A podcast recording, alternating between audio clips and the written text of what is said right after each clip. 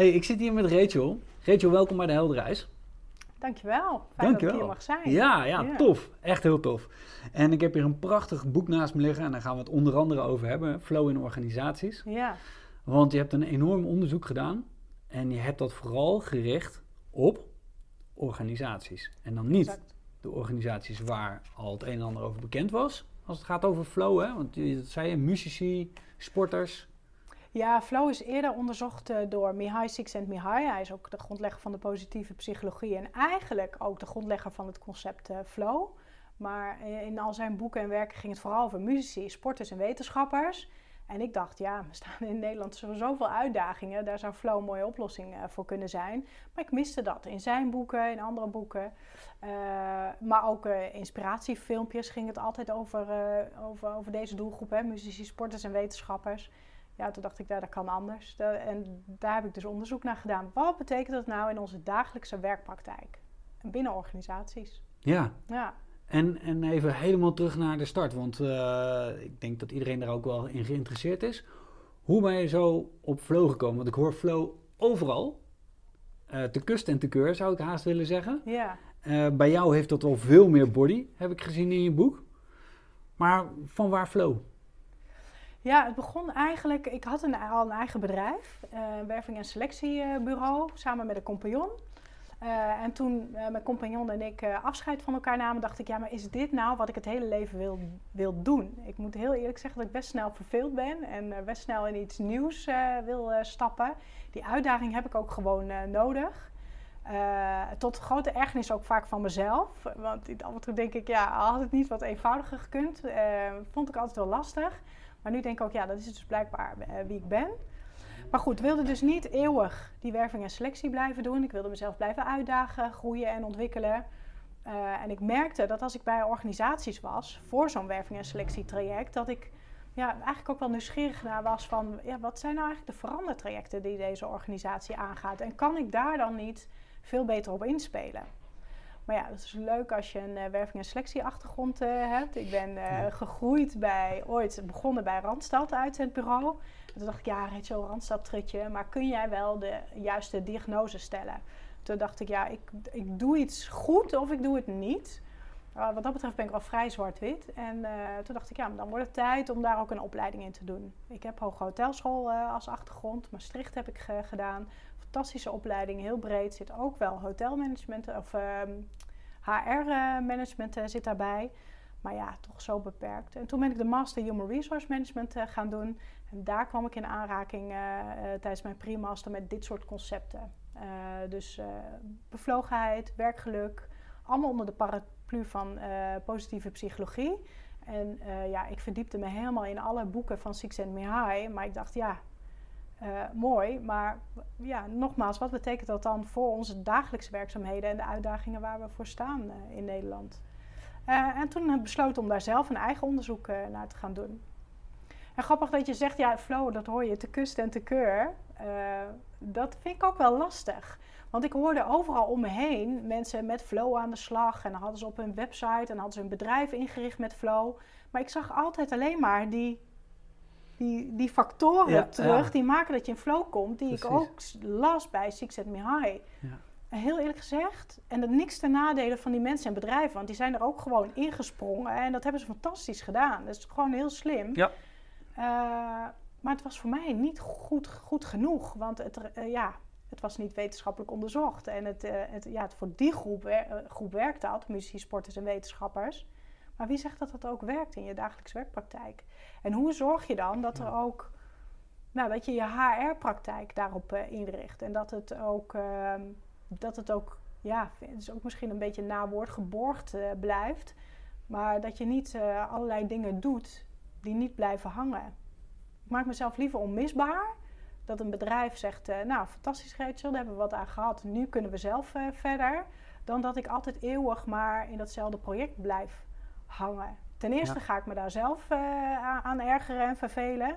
Uh, en ten tweede vind ik dat ik dan geen toegevoegde waarde lever. En die, die, dat vind ik zo belangrijk. Ja, ja, precies. En ben je dan ook tot hele andere conclusies gekomen? Uh, als, je, als we kijken naar de doelgroep? Um, ja en nee. Uh, Want ik ben, uh, ik ben uh, dat onderzoek gestart. En uiteraard doe je ook theorieonderzoek. Dus je kijkt wat, wat is er al, wat is er over geschreven, hoe werkt dat in de theorie. En ik heb een focusgroep ingericht. Dus ik heb kwalitatief onderzoek gedaan. Dat betekent dat je mensen gaat bevragen en interviewen. of een focusgroep inrichten. En in die focusgroep ben ik stapsgewijs gaan kijken, ja, wat is dan flow? Wat is flow dan in het werk?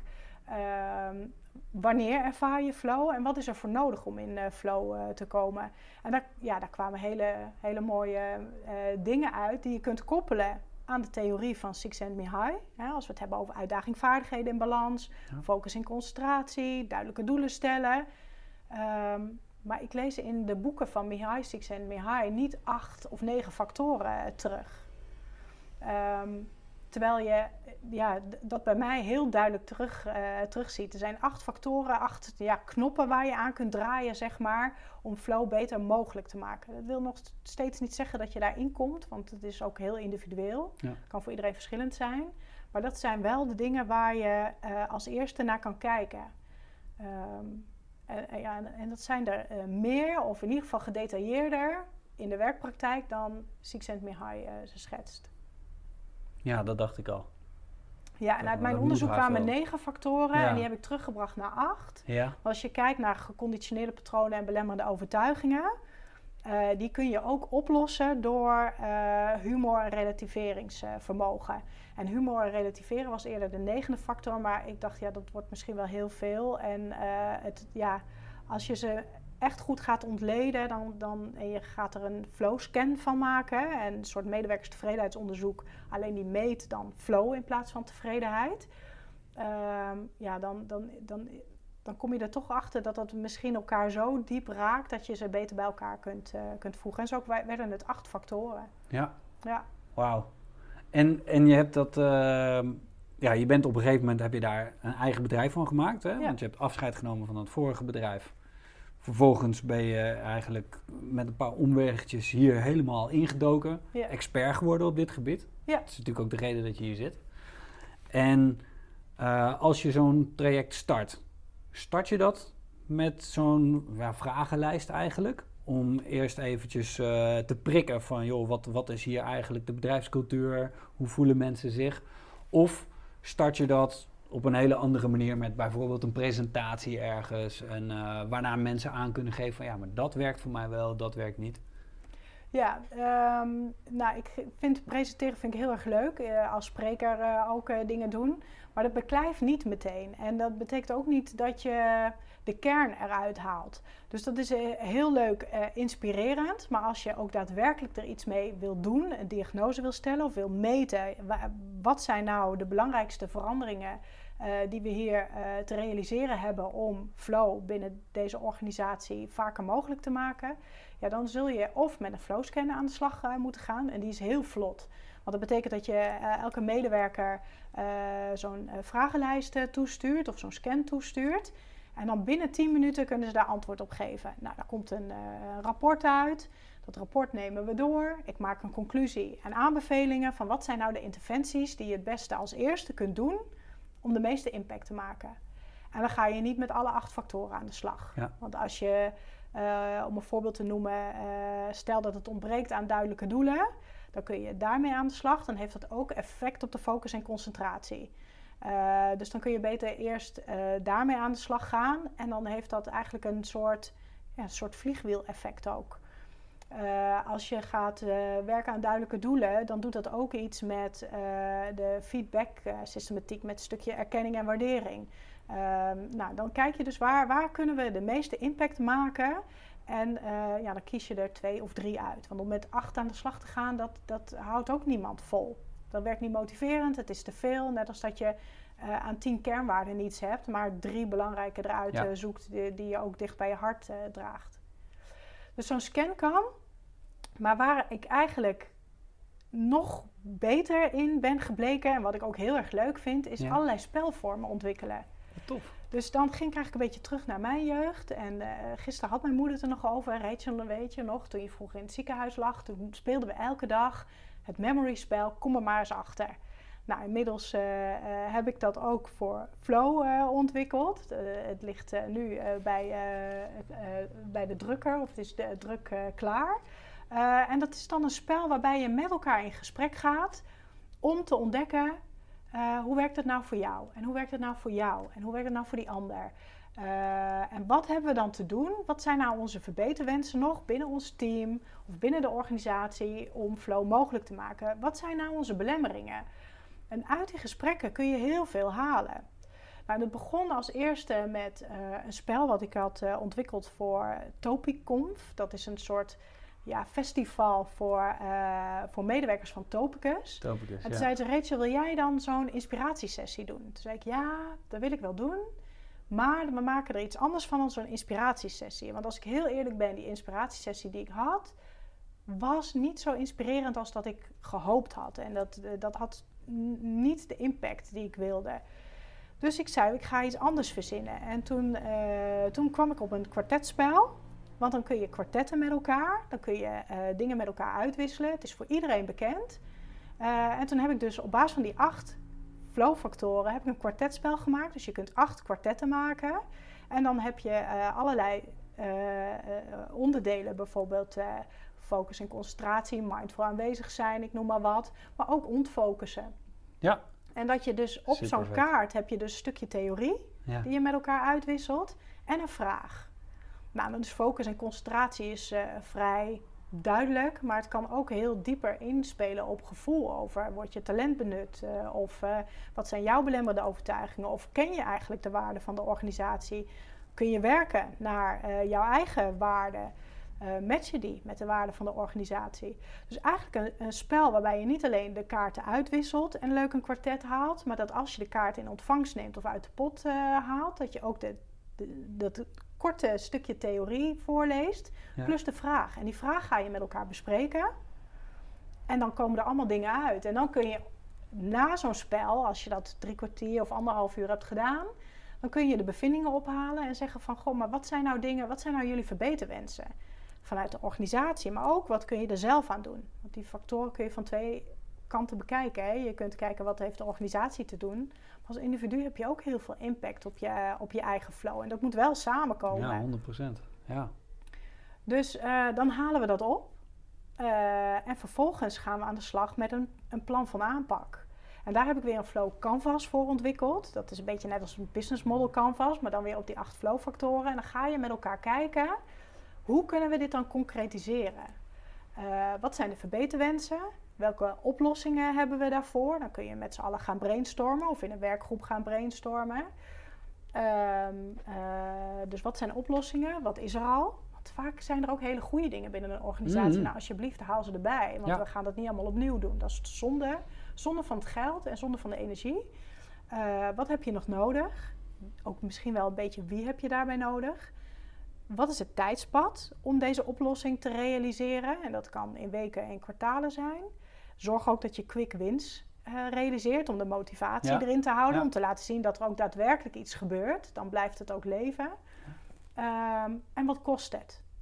Ja. En dat laatste, daar wordt heel vaak overheen gestapt. Ja, dat kost niks. Ja, we moeten een paar keer bij elkaar komen.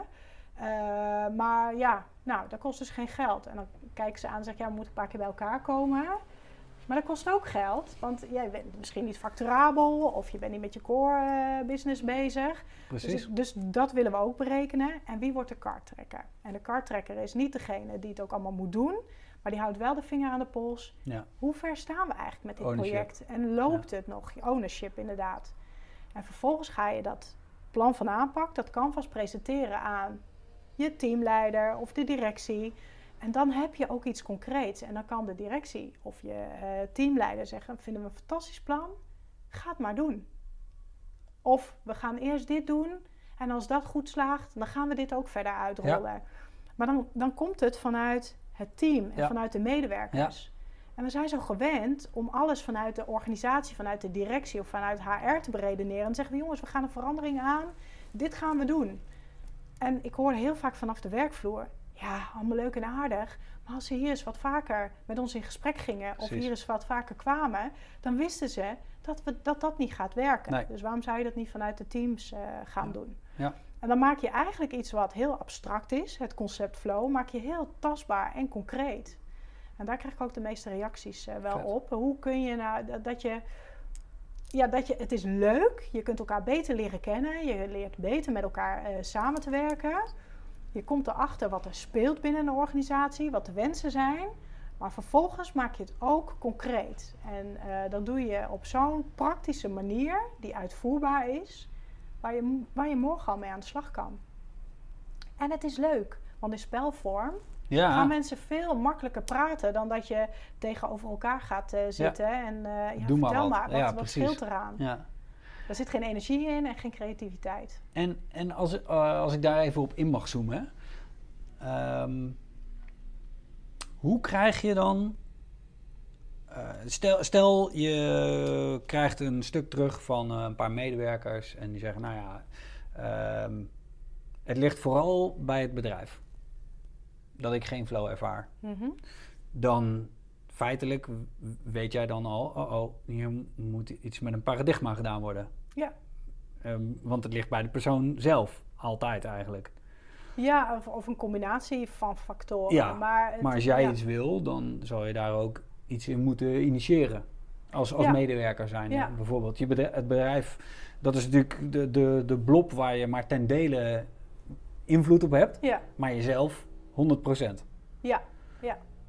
Eh, hoe, hoe, hoe doe je dat dan? Ja, dat is heel dat hoe breng je dat bij elkaar? Of hoe zorg je ervoor dat mensen ook inderdaad eh, andere perspectieven gaan zien? Nou, het ligt heel erg aan de situatie eh, waar het hem eh, in zit. Want het, soms gebeurt het ook wel eens dat een organisatie het bij de medewerkers legt. Ja. En ook wel eens naar zichzelf mogen kijken. Hè? Ja, hoe, ja. hoe werken die structuren? Hoe hebben wij dingen georganiseerd?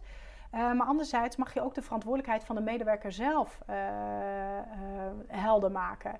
Eh, kijk, zijn niet voor niets de, eh, de factoren, eh, die, die kun je van twee kanten bekijken. Of je hebt er eigenlijk beide invloed op. Als je het hebt over de factor autonomie, dan gaat het over autonomie geven of autonomie krijgen. Dat is Ja. een deel van de organisatie. Maar daartegenover staat ook dat je als medewerker verantwoordelijkheid neemt en eigenaarschap, over ownership no- noem je jezelf al, dat, dat, dat je dat ook op orde hebt. Ja. Als, als je dat niet doet, dan, dan zul je nog geen flow ervaren. Dan blijf je dus, nou ja, zowel de organisatie als de individu heel hard trappen tegen elkaar of heel hard schreeuwen eh, naar elkaar, maar er gebeurt er niets. Nee. Ehm, wat ik dan doe is dat ik ook wel de, ja, ik ben dan ook wel die countervailing power. Dan ben ik naar een di- directie, dus eh, ik geef ze ook wel terug eh, wat zij beter kunnen doen. Dus ik laat ze daar ook wel over, over nadenken. Dat moeten ze ook zelf gaan voelen of ervaren, zich bewust van worden. Maar ook naar de medewerker zelf. Om een voorbeeld te noemen. eh, ik zat dus met een werkgroep aan tafel. We hadden zo'n spel gedaan. Er waren heel veel verbeterpunten uitgekomen. Ze hadden ook fantastische oplossingen. En we hadden een plan van aanpak eh, gemaakt. Eh, voordat we die ook gingen presenteren, hadden we nog een overleg met de manager. En toen ging het over feedback en communicatie. En die feedback, daar vonden ze wat van. Want ze vonden dat die manager weet het eigenlijk niet eens meer precies. Het is al een paar jaar geleden dat, eh, dat, hij, dat hij in ieder geval meer moest doen of meer naar ze moest luisteren. En ik, ik voelde een mens naast mij zitten. Dus die, die manager zat naast mij en ik, ik zag en voelde wat er gebeurde. Dat is ook een mens, hè? Dat is Ja. ook een manager die wil leren en groeien en wil horen wat hij beter kan doen. En heeft ook die feedback eh, nodig.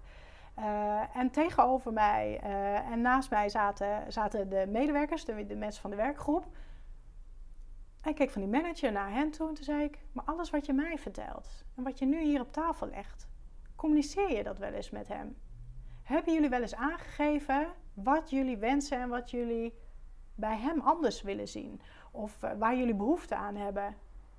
En toen zag ik die, toen zag ik ook iets gebeuren bij die medewerkers. Je zag het aan de ogen en aan hun eh, houding. Nee. Nee, eigenlijk, eigenlijk doen we dat ook niet echt. Eerlijk. En toen, toen zei ik, ja, maar naast mij zit ook een mens hè, met de eigen zekerheden en onzekerheden. Deze manager is niet anders dan jullie, heeft dezelfde twijfels, eh, is, hij zit in dezelfde ontwikkelprocessen, misschien op een ander niveau en op een ander gebied. Maar jullie zijn niet anders. Nee. En dat, uh, dat, ja, dat is dan ook de, ja, de reflectie die ik dan wel graag, uh, graag teruggeef. En daar zag je ook een verlichting. Je zag begrip aan de andere kant. Maar die manager die haakte daar ook op aan. En die, die werd ook heel kwetsbaar. Waardoor het ook beter mogelijk was om met elkaar wat dingen uit te, te wisselen. Mooi man. Ja. Ja, heel cool. En de, daar, dat is ook uh, de, uh, de, groep waar de werkgroep ook nog steeds regelmatig bij elkaar komt. Waarbij ze zeggen, ja, we, we, blijven nog steeds aan de slag. Er zijn altijd verbeterpunten, maar we pakken dat nog steeds uh, op. En dat vind ik wel mooi, want ja. dan heb je een vliegwiel aangezet Precies. en dan kunnen ze zelf verder. Precies. Ja, ja en ja, dan voorkom je ook dat het zo'n eenmalige injectie is ja. van, van tijd en energie van bedrijven en medewerkers. Ja. Of dat ik maanden, jaren uh, met hetzelfde bedrijf bezig ben. Dat is heel leuk voor de omzet. Uh, maar niet leuk voor mijn energie nee. en flow. Het bedrijf heeft er ook niets aan. Dan denk ik, nee. ja, ja, ja, zonder toegevoegde waarde is het, uh, ja, dan va valt er heel veel weg. Dan, dan ja. ja. geld doet er dan eigenlijk ook helemaal niet toe. Maar, maar waar, je het, waar je het dus ook over hebt, is ehm, met een deel van dit programma heb je het over, over cultuurswijzigingen. Ja. En ik vang heel vaak op dat een cultuurwijziging, dat het iets is wat heel traag gaat, dat het in de meeste bedrijven niet eens voor elkaar te krijgen is. Ja. Want we doen al heel lang dit of dat. En, en inderdaad, dat er wel eens top-down uh, wordt er weer iets nieuws over, uh, over uitgegooid. En dan, nou, we gaan nu dit doen en we gaan dat doen. Ja. Uh, maar in de basis blijft het dezelfde vorm van communicatie naar elkaar toe. Ja.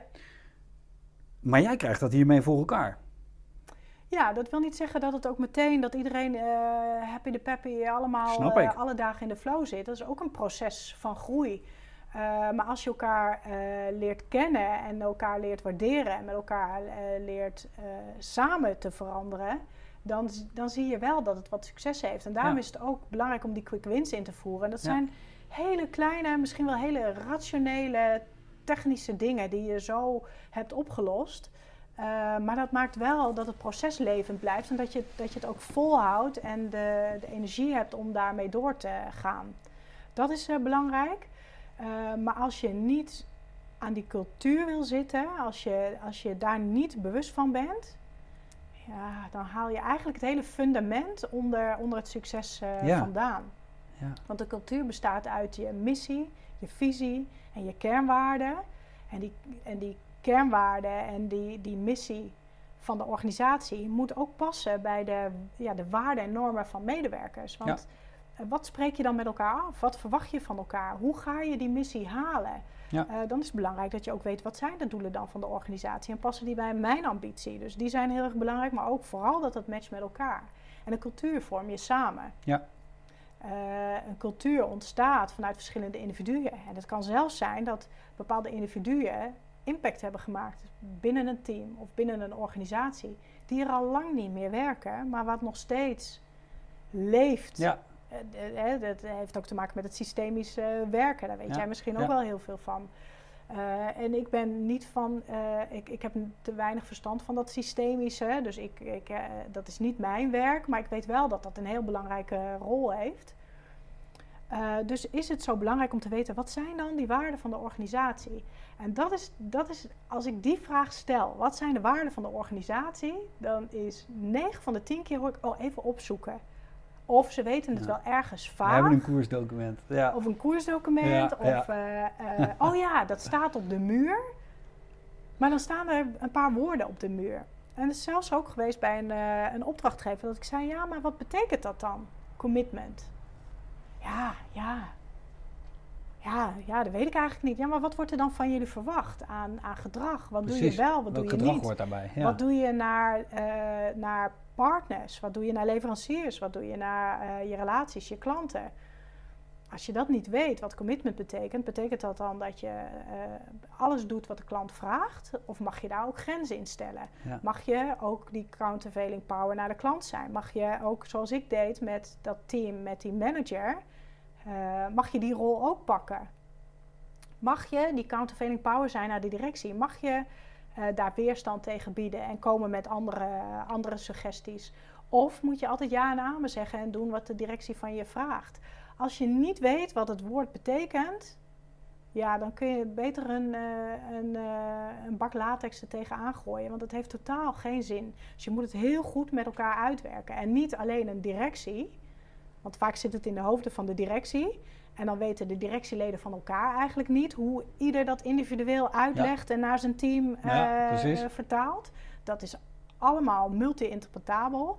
Dus als je dat als directie al niet weet, maar ook niet weet of dat matcht bij hoe medewerkers ernaar kijken. En daar zit heel veel input wat je heel goed kunt gebruiken. Ja, heb je dan wel een gezamenlijke cultuur? Leeft het dan wel? En kunnen mensen daarna uh, werken? Ja, dus ik hoor, ik hoor uh, de communicatie. Hè? Ja. Zorgen dat je, het, uh, dat je op elkaar uitgelijnd bent eigenlijk. Spreken we over hetzelfde? Ja. Hebben we het over hetzelfde? Je hoeft niet hetzelfde over te denken. Maar als we nou, commitment noemen, snappen wij dan allebei wat we bedoelen met commitment. Ja. Uh, je hebt inderdaad een systemisch stuk. Ja. Waar, ja, waarschijnlijk, nou ja, zo doen we het altijd. Die komt daar vaak vandaan. Want, want dat is hier wat we doen, gedaan. precies. Ja. Uh, ik zie het in scholen natuurlijk ook erg veel en, en vaak. Dus dit zijn twee redenen om te zeggen: oké, ja, dat, dat zouden oorzaken zijn waarop we elkaar niet verstaan. Wat zouden nog meer oorzaken kunnen zijn? Waarom, waarom we elkaar niet verstaan in organisaties? Uh, omdat we te bang zijn. Omdat we te bang zijn om uit te spreken wat we daadwerkelijk vinden en willen. Uh, feedback vinden we heel lastig. Hè, om uh, om een collega aan te spreken op iets waar jij last van, van hebt. Eigenlijk ongelooflijk, want er zitten hele mooie structuren onder als je bijvoorbeeld zo'n 4G-methode gebruikt. Hè, in, in, welke situatie je zit. Hè. En wat het met je doet qua gevoel, wat het gevolg daarvan is en wat je liever hebt. Eigenlijk is het heel eenvoudig als je daar een kort script van maakt. En dan kun je het ook heel goed ventileren. En iedereen zegt, ja, ik wil graag feedback ontvangen. Ik wil graag horen wat ik beter kan doen. Maar toch vinden we het lastig om dat naar elkaar uit te spreken. Ja. Dan belemmer je dus elkaars groei. je houdt geconditioneerde patronen in stand. je buigt je belemmerende overtuigingen niet om. Uh, wat je ook vaak ziet is dat uh, een HR of een directie of een leidinggevende eigenlijk niet zo uh, enthousiast meer is over een medewerker, dingen graag anders wil, wil zien. En dan functioneert iemand niet goed meer, maar dan niet het gesprek erover aan durft te gaan. En dan, en dan, en dan komt het bij HR en dan moet HR het oplossen. En dat oplossen is dan een vaststellingsovereenkomst hè, of ontslag. Ja. Hoe oneerlijk is dat eigenlijk? Want dan heb je als, als manager, uh, en je kunt ook goed falen, hè, uh, maar dan, dan heb je echt iets laten liggen. En, dat is, en dat maakt weer dat mensen ook weer geconditioneerd worden. Want die gaan met pijn een bedrijf uit. Want die weten eigenlijk niet wat, uh, wat ze verkeerd hebben gedaan of wat ze beter hadden kunnen doen. Um, en dan zou je beter kunnen zeggen van nou ga en dat gesprek op tijd aan. Geef feedback. bekijk met elkaar wat beter kan. Maar als je merkt dat, een, dat iemand het binnen de organisatie nou niet meer gaat halen of niet meer past bij die waarden of bij de cultuur of andere ambities heeft, durf dan ook dat te benoemen. Ja. En niet alleen als leidinggevende of als, uh, als uh, organisatie, maar ook als, als medewerker aan zich. Als, als je merkt ja. dat je geen flow meer ervaart binnen zo'n organisatie, als je niet meer gelukkig bent, dan, dan blijven veel mensen hangen aan zekerheden. Ja. Uh, en dan durven ze niet uit te spreken naar een manager: joh, ik zit eigenlijk niet zo lekker in mijn vel. Het voelt niet meer goed, want ze zijn bang dat ze dan ja, geen werk meer hebben. Of dat ze, dat ze dan voor zichzelf. Uh, ja, het is, het is een, ja, een, spannende positie. Het is een hele spannende positie. Maar de mensen die het lef hebben gehad om dat te doen. En dat haal ik ook weer terug uit de spellen. En dat delen ze dan ook weer met elkaar. Uh, en dat was ook het mooie aan die eerste oefening met mijn kwartetspel. Uh, met het prototype, dat iemand tegen uh, een andere medewerker zei: Joh, maar bij mijn business unit, ik vond dat ook lastig, maar ik ben het gesprek met mijn manager aangegaan en die begreep mij heel goed. En nu werk ik voor een andere business unit en heb ik weer uitdagingen. Dan ja. kan ik mijn uitdagingen en vaardigheden weer in balans brengen en wordt mijn talent benut. En nou ben ik gelukkig. Hoe jammer was het geweest als ik dit niet gedaan had. Dus die spoorde een ander weer aan om dat ook uh, te doen. En um, ja, er is echt zo'n uitspraak, volgens mij komt die ook hier uit de regio, vak buiten bangen of zo zeggen ze dan. Ik ben niet zo goed in dialect, maar... en dat is ook zo. Vaak zijn we te bang ja. en kijken we dan... Ja, we vullen het al in voor een ander. Ja, aannames. Ja. Hartstikke veel aannames. En dus komt, ja, eigenlijk zou je het hele flow en hoe je, zou je allemaal terug kunnen brengen op communicatie. Ja. Want dat is het eigenlijk wel. Ja, dat, dat, dat, is eigenlijk, ik, ik haak nu even op twee spoortjes. Um, want ik zie een aantal dingen. Ten eerste wil ik zo van jou even weten, wat, wat is flow? Want dat, is, dat lijkt me heel, uh, heel fijn, want ik hoor flow. Ik hoor ook vaak mensen het hebben over flow state. Die zijn dan continu op zoek naar een flow state om hun ding te kunnen doen. Terwijl ik denk, ja, volgens mij zit daar nou ook nog wel weer een, een, een nuance in, in die twee. Of een verschil zelfs in. Ja. Uh, maar dat hoor ik dan graag zo van jou. Dus die post ik vast eventjes bij je. Ja. En het andere is wat uh, ik veel zie, en dat herken jij dan misschien ook wel, is dat er heel veel wordt gecommuniceerd binnen bedrijven, zowel vanuit medewerkers als vanuit uh, directie of MT's. Dat er heel erg wordt gekeken naar deel, ja, Covey noemt dat personality ethic. Dus dat je heel erg um, how to win friends and influence people-achtige trucken neer gaat zetten om uh, op een bepaalde manier met elkaar te communiceren. Waarbij je uh, met trucken kom je er niet achter wat nou de, het andere deel, de character ethic, dus de waarden. Welke waarden delen we? Welke um, onderliggende belangrijke punten zijn nou voor jou echt van belang? Ja.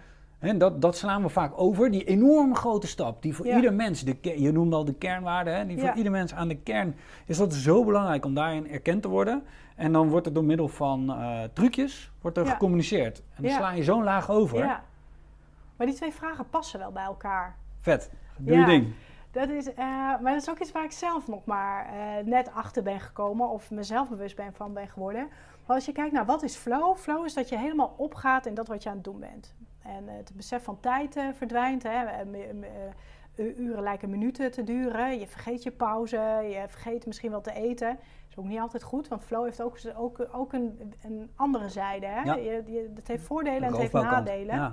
ja. dat je roofbouw pleegt op je, op je lijf. Dat je je mentaal misschien heel uh, goed voelt, maar dat je niet merkt dat je fysiek uitgeput uh, raakt. Ja. Dus, um, dus als je het hebt over een flow state en je kunt er niet continu in zitten, dat kan gewoon niet. Dat is ook geen flow trouwens, want flow is een piekmoment. En flow ontstaat meestal als je tot aan de grens van je kunnen wordt uitgedaagd. En dat maakt ook dat je uh, gemotiveerd uh, blijft. Um, en flow levert je heel veel energie op. Uh, het maakt dus ook dat je eindeloos, ja, of in ieder geval het gevoel hebt dat je eindeloos door kunt gaan, waardoor je niet uitgeput raakt, maar juist ja, die energieboost krijgt. Um, dat, is, dat is flow. En eigenlijk is het ook wat sporters in de zone zijn noemen.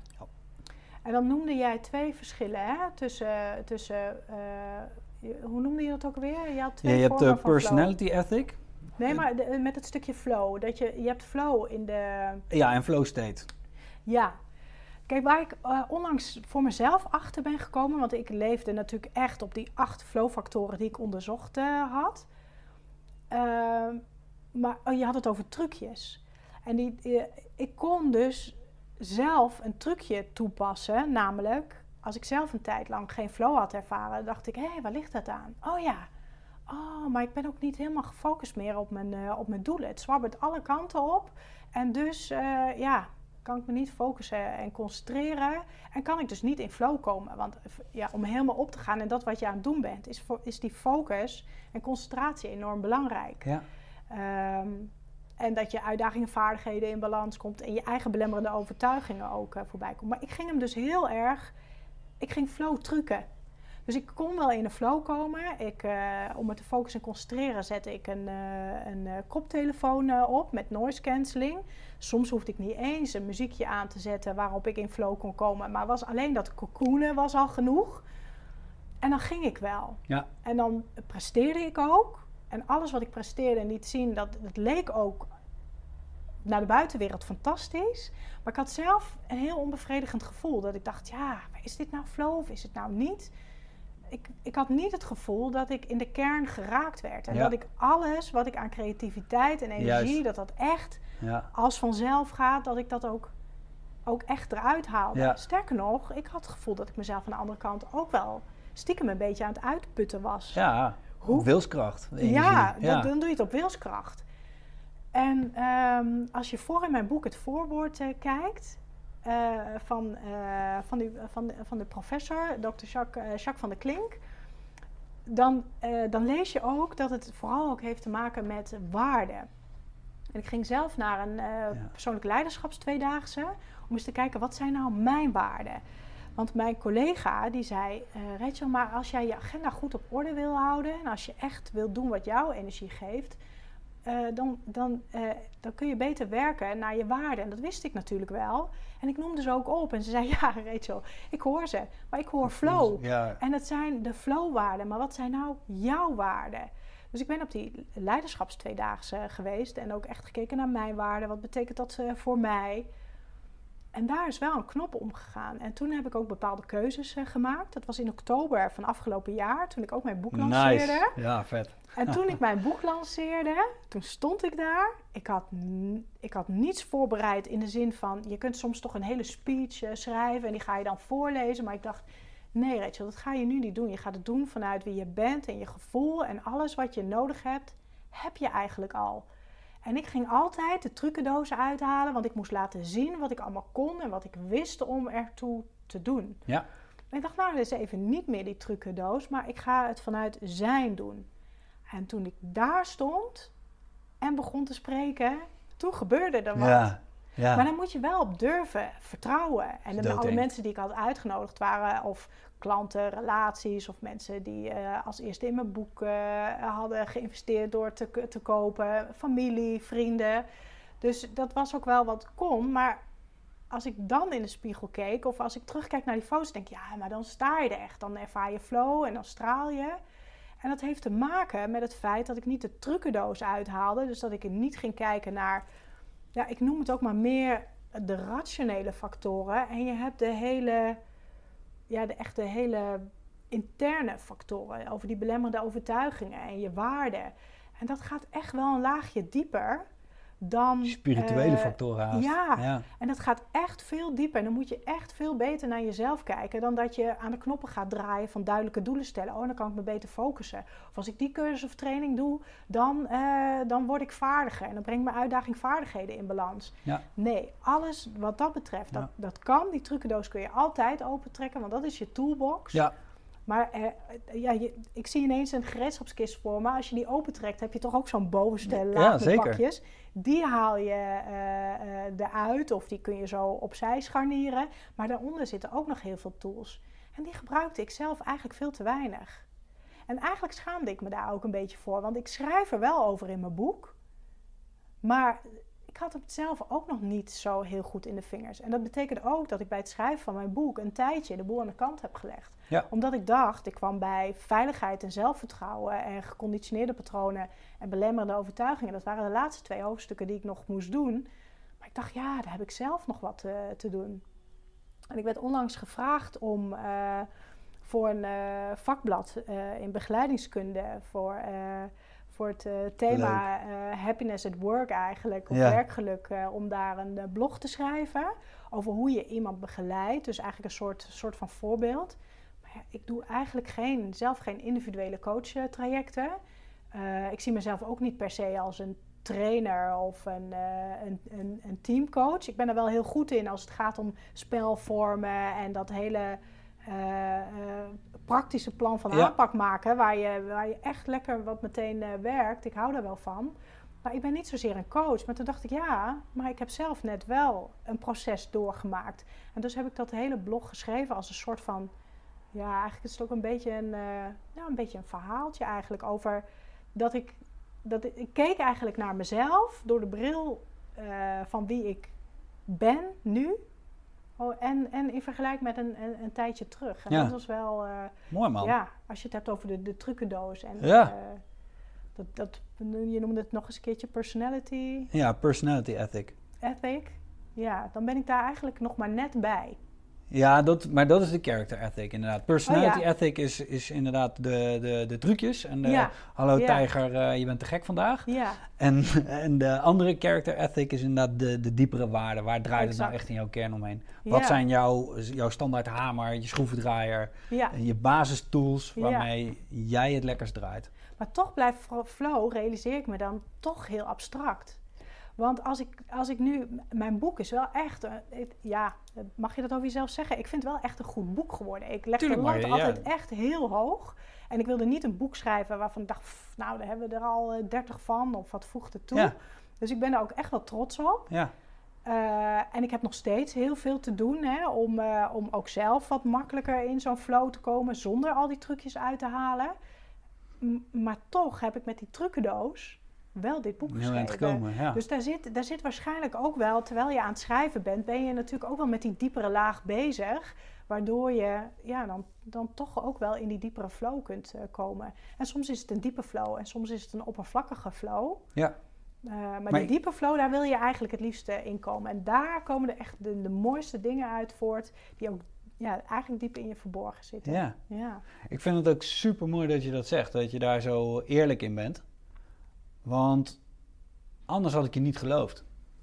nee, dat kan me voorstellen. Op het moment dat je namelijk in dit soort materie duikt, dan kom je erachter, als het goed is, denk ik, als je diep genoeg gaat graven, eh, dat het niet ophoudt. Nee, Dus je bent in een continu proces van nieuwe lagen der, eh, van verdieping. ja, En dat, dat stopt niet. nee, Dus als je had gezegd, nou ja, na het schrijven van een boek, ja, dit, dit, dit is het en eh, ja, fantastisch. Ja, een boek is fantastisch, dat ben ik met je eens. En, en jij ook, alleen je bent wel continu in ontwikkeling, ja, denk ik. Alleen Ja. dat is weer een van mijn basiswaarden. Van nou, oké, altijd, altijd leren, ja, je hebt altijd nieuwe situaties. En hoe diep wil je gaan? Wil je blijven op het niveau van de waarde? Of wil je gaan kijken, oké, is mijn hele we- buitenwereld een weerspiegeling van mijn binnenwereld? Of eh, wel, waar... Ja. je, je kunt zo diep gaan als je zelf wil. ja, En als je Ja. dat blijft onderzoeken, dan, dan blijft de wereld interessant. En blijf je misschien dichter bij jezelf. Eh, Dat, dat denk ik zeker.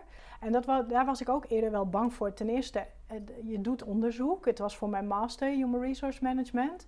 Dus je doet wetenschappelijk onderzoek. Ja, Dan, dan ben je daarmee bezig. En dan is het wetenschappelijk, ja, wa- wat is nou wetenschappelijk dan? Daar Ja. begon ik ook over te twijfelen. Ja. Want hoe complex is het nou eh, eigenlijk? Dus je gaat, ja, je gaat jezelf eigenlijk een beetje downsize. Hoe belangrijk is het? Ik durfde niet echt dat boek te schrijven in de eerste instantie. Want wat nou als een, als een eh, hoogleraar dat leest of iemand anders die er veel verstand van heeft, die zegt, nou, wat een flut, wat eh, Rachel heeft geschreven, dat is helemaal niet waar. En nog kun je sommige dingen ter discussie eh, stellen. Laatst deed ook iemand dat. Maar dan, dan kun je het nog van verschillende kanten bekijken. Eh, iemand die mijn boek nu aan het lezen is, die zei ook: Ja, maar ik, ik ga je wel eh, eh, ook dingen teruggeven. Vind je dat goed? Ik zeg ja, graag.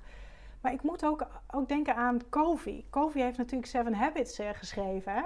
Maar op basis van voortschrijdend inzicht is die De achtste, habit, is ja. daarbij gekomen. ja, En, en, en eigenlijk zou ik ook mensen willen uitnodigen als je mijn boek hebt gelezen en je vindt er wat van, of je weet ergens iets meer van. Want wie ben ik? ik eh, het, is, het is denk ik nog maar zo'n mini-mini stukje van wat er misschien nog wel in de wereld eh, eh, te leren kennen of te halen valt. Ja. Dan is het juist fijn om met elkaar te kijken, oh ja, dat is ook zo. En dan op basis van voortschrijdend inzicht zou je daar ook een vervolg op kunnen schrijven. Of Precies. eh, een, eh, een, eh, een nieuwe versie Ja. eh, daarvan. ja, Ja. een verdiepingsslag. Absoluut. Heel interessant. Ja, Ja, dat vind ik ook echt mooi. ja, En het is ook niet te onderschatten welke stappen er allemaal voor nodig zijn geweest om überhaupt tot dit boek te komen. ja, Dus daar mag je ook wel even van genieten, denk ik. ja, En, Ja. en dan daarna, oké, sure, je blijft in ontwikkeling, dus je blijft leren. Dus wellicht komt er een volgend boek. ja. Maar eh, mooi proces. Ja, en dat genieten vind ik ook wel leuk. Dat je zegt van ja, daar mag je ook wel van genieten. hè. Dat, Ja, joh, dat doe ik zelf te weinig. Hè? Want dan is het, eh, het boek is af. En dan zou je denken, nou, dan kun je op basis daarvan kun je verder. Maar ik moet dus weer uitgedaagd worden. Ik heb altijd iets nodig om naar uit te kijken, om, eh, om te doen. Dus toen het ging over mijn waarden. eh, nou, een aantal waarden zijn gezondheid, heel erg belangrijk. Heb ik echt wel wat tekort gedaan de afgelopen jaren. Eh, aandacht en evenwicht. Nou, dan hebben we het nog over autonomie en creativiteit. Maar als we kijken op de factoren waar ik veel laat liggen, of op de waarden waar ik veel laat liggen, is gezondheid, evenwicht en aandacht. En toen dacht ik, ja, maar ik vind sporten eigenlijk altijd heel erg lekker, maar daar kwam ik helemaal niet meer aan toe. Uh, en ik was ook druk met lokale politiek. Die heb ik opgezegd ook uh, direct na mijn, uh, mijn sessie. Ik moest dat meteen doen, hoe moeilijk het ook vond. Maar juist dat besluit werd weer zo gewaardeerd, omdat ik juist zo dicht bij mijn waarde bleef. Dus ja. dat was ook een eye-opener. Dus ik hoop dat mensen daar ook iets van nemen. Doe het maar gewoon. want uiteindelijk levert het je zoveel moois op.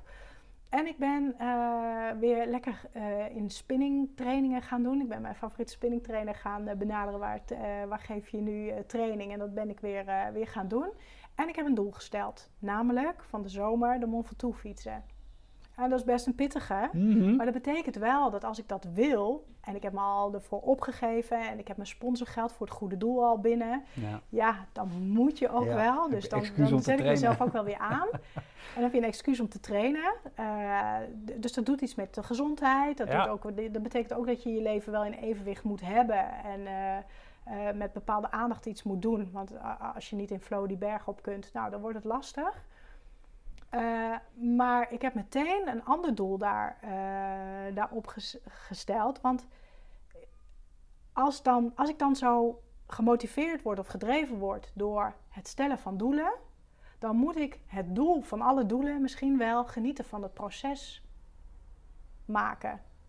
Dus dat is nu mijn overkoepelende doel. En dat is ook waar ik de dingen aan kan meten. Geniet ik van dit proces? Ja. Of ga ik, hup, rechtstreeks naar de bestemming? Ja. En kijk ik niet om, uh, om me heen. En dat heeft ook weer te maken met, nou ja, dat, dat echt in diepere flow raken. Dan moet je dus ook genieten van het proces. En niet alleen één rechte streep naar die, uh, die bestemming toe. Klopt. Ja. Ja, dat raakt ook weer heel erg aan dat wat, wat doe je op wilskracht. En, en wat doe je inderdaad op die universele kracht uh, waar je bij kan op het moment dat je gaat voor moeiteloosheid. Ja, ja. Dus je kunt heel veel flow ervaren. Maar de grote vraag is, is het de oppervlakkige flow? Ja. En die kan ook heel goed zijn en, en leiden tot goede prestaties. Of, of zit je echt in die, in die diepe flow uh, die, uh, die je wenst? Mooi. Ik, ik, zie die diepe flow steeds vaker. Maar dat blijft, uh, ja, dat blijft puzzelen en ja. zoek toch naar jezelf. Ja. Ja. Ja. ja, we hadden het er in het voorgesprek ook al even over. van, ja, Wat, wat is dan balans? En, ja. en Persoonlijk geloof ik niet dat balans bestaat. Balans is altijd datgene waar je naar kijkt als je net aan de andere kant zit. Ja. Uh, en dan ga je daarop bijsturen. Ja. En dan kom je heel even over die middenlijn, over die balanslijn. En dan zit je weer aan de andere kant. Ja. En dat is ook wel. Uh, maar ja, misschien dat een ander, uh, ander type mens daarin meer balans ervaart of niet. Dat weet ik ook niet. Dat is, dat is ook een aanname. Want ik heb wel de indruk indruk, mijn indruk, dat jij het type mens bent die vroeger niet onder de boom bleef zitten, maar die even achter die steen en aan de andere kant van het meertje ging kijken, omdat hij zich verveelde. Dus het type mens waardoor wij uh, meer van de wereld zijn gaan ontdekken. Ja, dat is een goede vraag. Was ik als kind zo? Ik was eigenlijk wel een, eh, hmm, ik was wel een heel lief kind en ik volgde wel de regels op. Dus ik weet niet of ik nou, ja, ik was wel nieuwsgierig, maar ik was ook altijd degene die uh, was. Of uh, altijd de kaart trekken, altijd degene die iets organiseerde. En dat zie je in het proces vaker. Hè? Je zit op de basisschool, je gaat naar het voortgezet onderwijs en dan krijg je weer die rol. En toen ging ik uh, naar, de, uh, naar de hotelschool in Maastricht. En dan krijg je ook altijd weer de voorzittersrol. En of ik nou wegdook of het niet wilde, ik kreeg hem altijd. En ehm, ik heb laatst ook, uh, nou laatst is ook alweer een paar jaar geleden, dan, dan kun je zo'n, uh, hoe heet dat ook alweer? 16 personalities? Nee. Ik ben heel even de naam kwijt, maar er kwam in ieder geval uit dat ik ben een manifestor.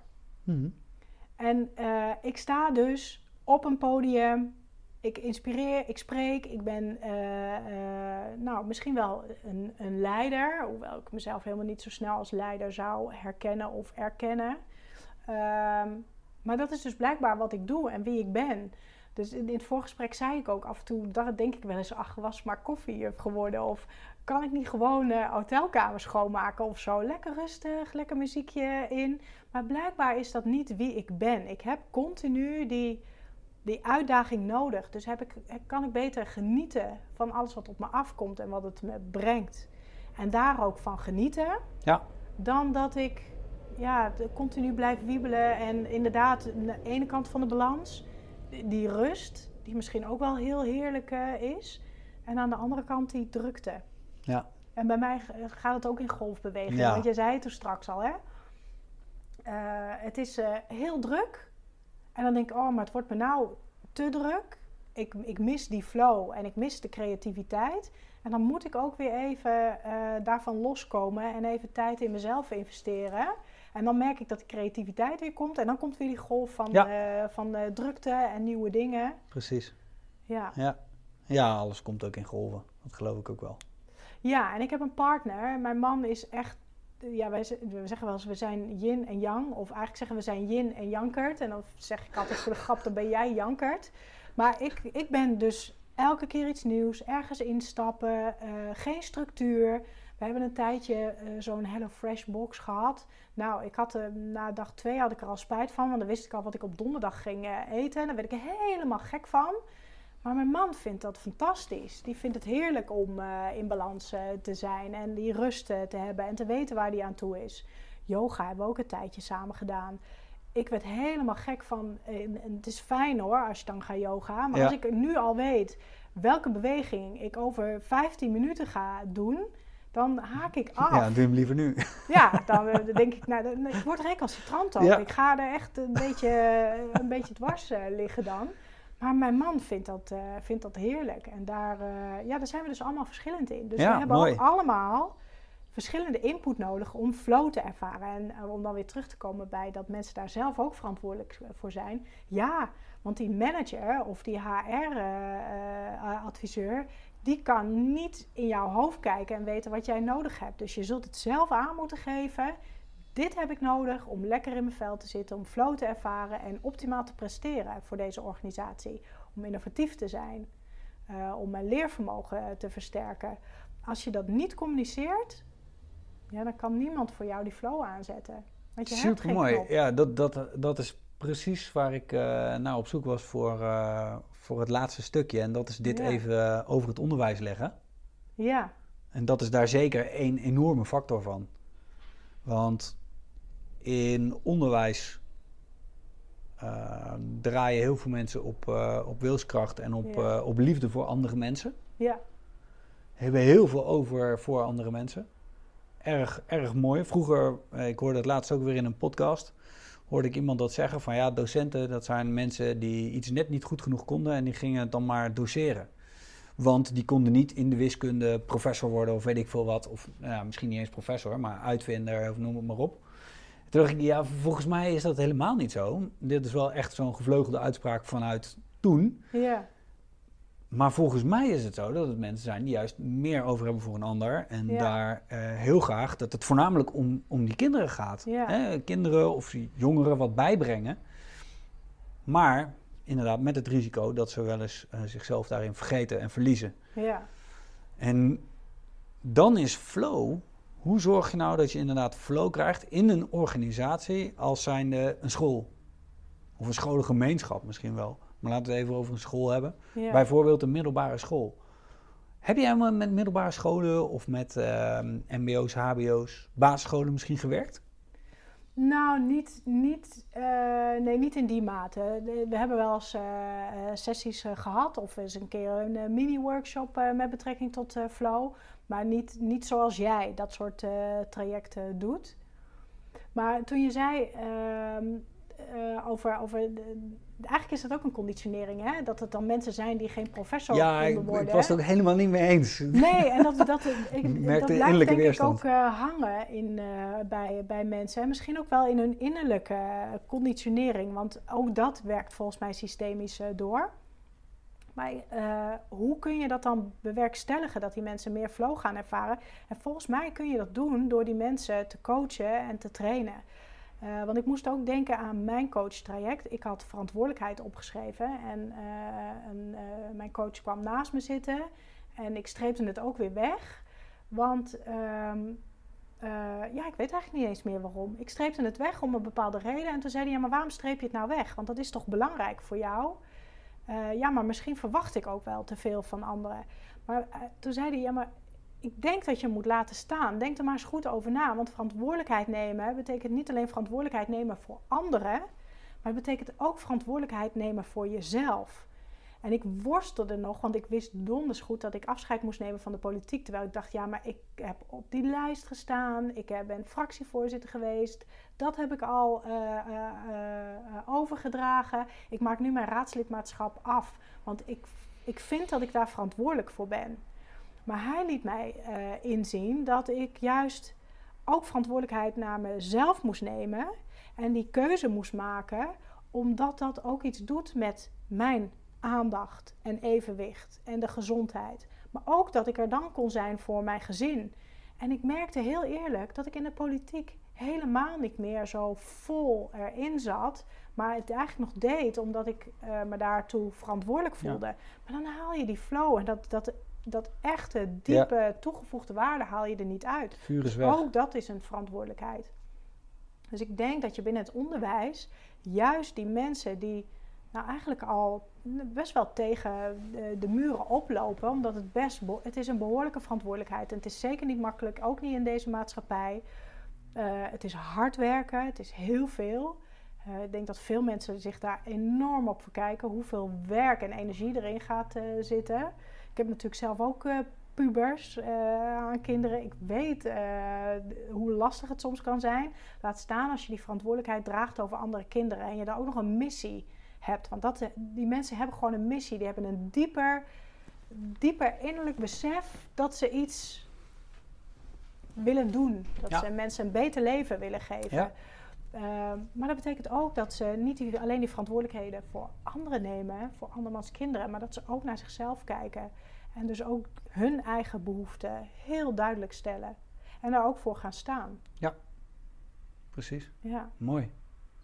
En als organisatie, als, uh, als MT bijvoorbeeld van, van zo'n school, wat zou, je, wat zou je die adviseren? om meer flow bij hun medewerkers of bij zichzelf? Want het is natuurlijk ook een beetje practice what you preach. Nou, ze zijn zelf natuurlijk ook medewerker. Ja, hè? Ook al ben je een Zeker eh, directie of een, uh, of een board, dan, dan wil je zelf ook flow ervaren. Um, ik zou, ja, dan, het valt in staat denk ik met communicatie en die cultuur. En ga het maar ophalen bij je mensen. Doe geen aannames, maar ga het onderzoeken. Doe een leuk spel. Uh, er zijn allerlei creatieve methoden om op een informele manier bij een teamdag bedank ze, geef ze een, een, een mooie sessie cadeau waar ze plezier kunnen hebben, maar waar ze ook kunnen delen wat ze anders willen zien of wat ze nodig hebben om die flow te ervaren. Ga echt naar ze luisteren en ga op basis daarvan met elkaar zo'n plan van aanpak maken. Ja. Want als je het bottom-up doet, bottom bottom-up doet, uh, dan werkt dat gewoon veel beter. En je kunt wel als directie allemaal aannames doen. Als we dit doen, of als we ze dat geven, of als we dit wijzigen, dan gaat het beter. Maar het gaat bijna altijd uh, langs elkaar heen. Ja. Dus pra praat met elkaar, communiceer. Heel mooi. En zorg dat je waar, de waarden van de organisatie, dat die ook nageleefd kunnen worden. En dat, dat mensen daar ook achter kunnen staan. En besef je uh, wat voor mensen je binnen de organisatie hebt. Want zij creëren de cultuur. Ja, ja precies. Precies. Heel vet. Ik, uh, ik ben benieuwd, wanneer komt je kwartetspel uit? Nee, die is al jaren uit. En je memory spel dan? Uh, memory spel, uh, die, heb ik, die is al van de drukker, maar daar, daar mankeerde iets aan. Dus uh, die heb ik verzuchtend, gaat die weer terug.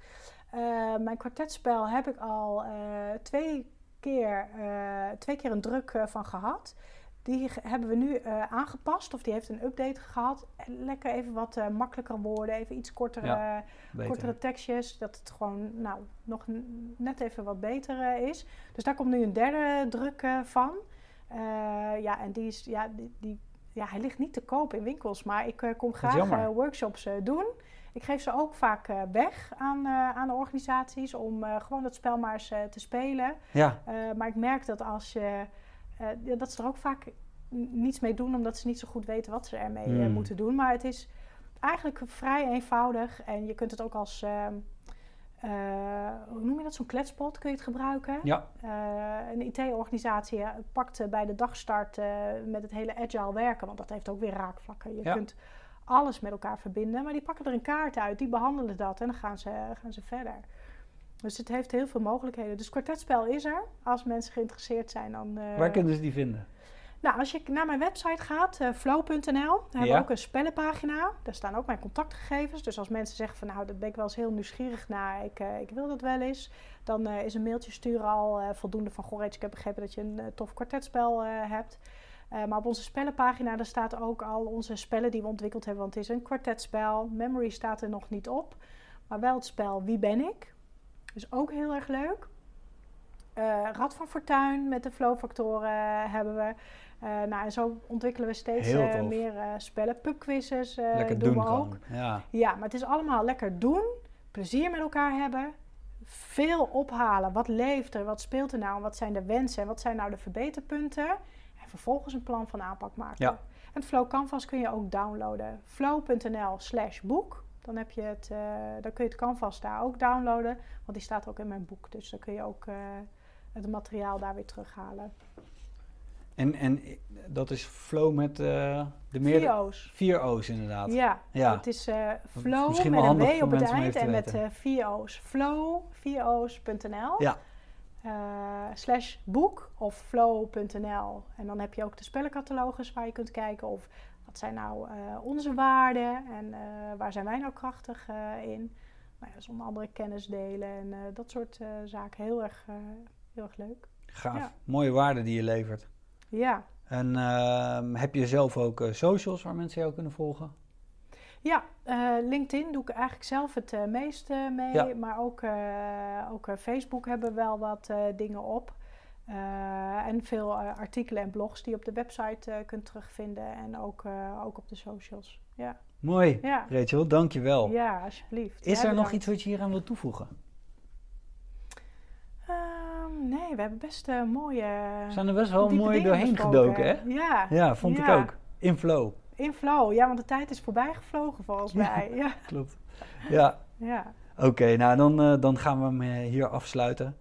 Uh, mensen weten waar ze moeten zijn als ze meer van jou willen weten en of van jouw organisatie. En of als ze meer flow willen in hun eigen organisatie. Ja. Super mooi. Ik raad ook iedereen aan om daar even te gaan kijken. En ik wil jou heel erg bedanken voor je tijd en voor je heldere uitleg. Heel graag gedaan. Oké.